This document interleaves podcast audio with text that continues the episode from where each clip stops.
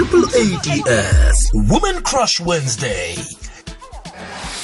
La siphakamisa imbokotho elisebenza ngamandla yenza into ezibukwako esewula afrika. Namhlanje sikuthemsile siyabe sicocisana kenu nomzamo zondi eh ozenzele igama begoduke watshengisa ukuthi kuyakhoneka ukuthi ubuyaphi akuthwenyi uyakhona ukuthi ufike esiqongolweni ngiba ukuthi simamukele emagagasini omoya wekwekwez FM ku triple ATS lotsha zamo lotshe futhi ninjani sikhona singezwe ekhaya.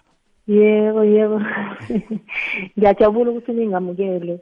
Sithokoza kakhulu ukuthi sithole isikhathi sakho ukuthi kusicocele ngekhambo lakho lokuthi ufike empumelelweni kusicocele nje ukuthi unomzamo zondi ngubani ukhulelephi begoduke udume ngani nasakudosela nje? Yebo but unomzamo igama lami lokuqala unomzamo zondi intokazi yasethekwini kwamashu lokishi Mhm. ethiwi kwamashu yebo.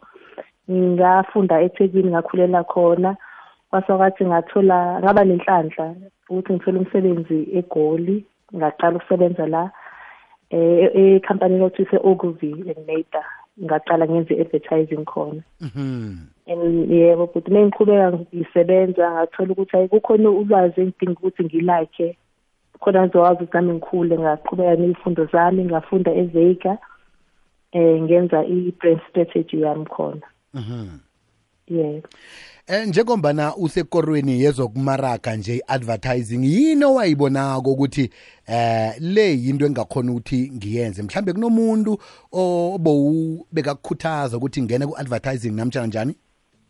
Yo bhuti wami wabuza umbuzo o- o- oqothe kanjani? Um ngendlela sakhula ngayo thina kwama-eighties sasinganayo exposure. Eh. entweni ey'fana ne-advertising ngaphandle kokuthi lifo sikubona i-tv noma size eradioni emsakazweni Mm. kodwa sasinganalo ulwazi olu- olujulile ukuthi uyakwazi uyifundela le nto noma umuphi umkhakha ongawuthatha. Indlela engayithola ngayo advertising ngayithola nami ngendlela ukuthi ngisafunda uma wechazile ukuthi mntanami ngiyokwazi u-afford ukuthi ufunde kodwa uma ufuna izinto ey'thizeni kumele usebenze eceleni so ngayiqala ngenza i-part time job Mm. ngenza ama-promotion sidayisa um mhlawumbe uma khona ama-brand adinga ukudayiswa ngaso sikhathi ngangisebenzela i- i-brand house Mhm.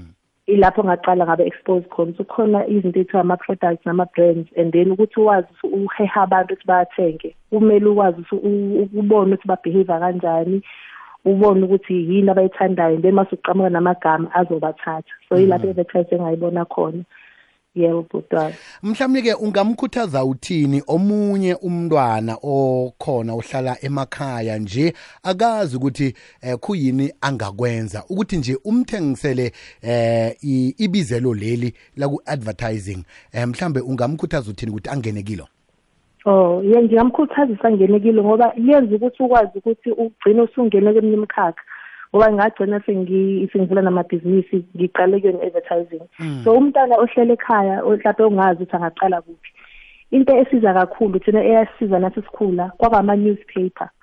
Ama newspaper lawa asemakhaya abalekile ukuthi babheke ukuthi imaphi ama opportunities abakhona. Sometimes kuba khona ama skills development afakwa uhulumeni noma uthola ukuthi khona ama companies amakhulu a- a- anikeza lo mathuba lawo.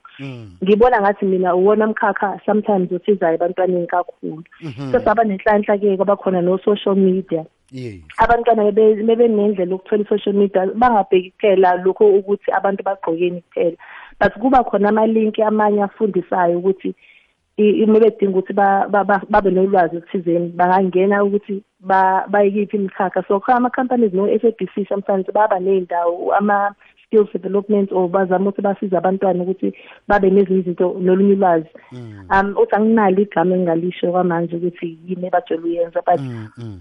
I think into ebalulekile ukuthi bazame ukuthi nabo ba-research from ama-newspaper which are not too expensive if banayo access to i- i- i-Wi-Fi noma i-data bakwazi ukucheck nalapho ku-social media ukuthi kwenzakalani enye into futhi ebuyisize ekutheni ukubona lama-TV kuba khona iy'nhlelo ezi- eziba khona ezenza ukuthi ezi- ezinikezana ulwazi Mm. babone lezo y'nhlelo lezo.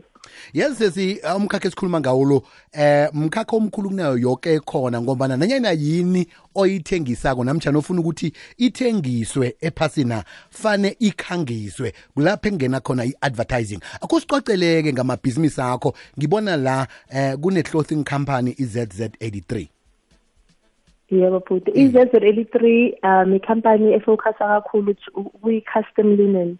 So into engayibona engangiyibona ngokwami ngangiyithanda ukugqoka ilineni kodwa nginganawo ama-options amaningi ey'tolo.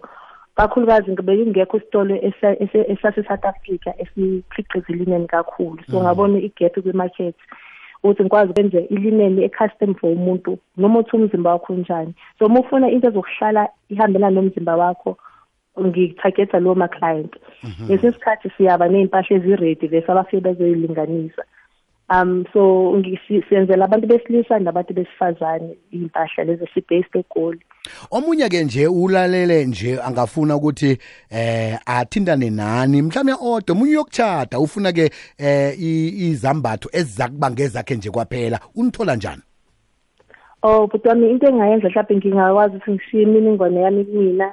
Noma ngiyanikeza manje emoyeni. iye ngoba banenge abantu abalaleleka abangafuni ukuthi nabo bathintane nawe. Okay la okungaba lula khona ukuthi bathintane nami ngoba i-ranomile i-social media yami bangangithinta kuqala kuzamo zondi eh zamo zondi 83 noma zamo zondi ku-instagram zamo zondi instagram i-concept detail yami labazothola khona i-handle yami. Noma bangangithola kwi-email address yami engabasiza futhi ithi bathintane nami uqobo uzamo z a m o h underscore zondi at yahoo dot com. Ngiba sibuyelele kodwa asiphinde? Zamo z a m o h underscore zondi at yahoo dot com. Sesinifisela ichudu nobaba kwakho ngizwile nje ukuthi naye ngene naye eh emahwebeni nivule eh ne-restaurant. Sinifisela ichudu niragele phambili ngemsebenzi emihla. Siyabonga kakhulu butani ngiyabonga bokukhulu. Aha sithokoze khulu kwamambala. Njeke siye ndabeni mkhanyo kwaphela osusa ubumnyama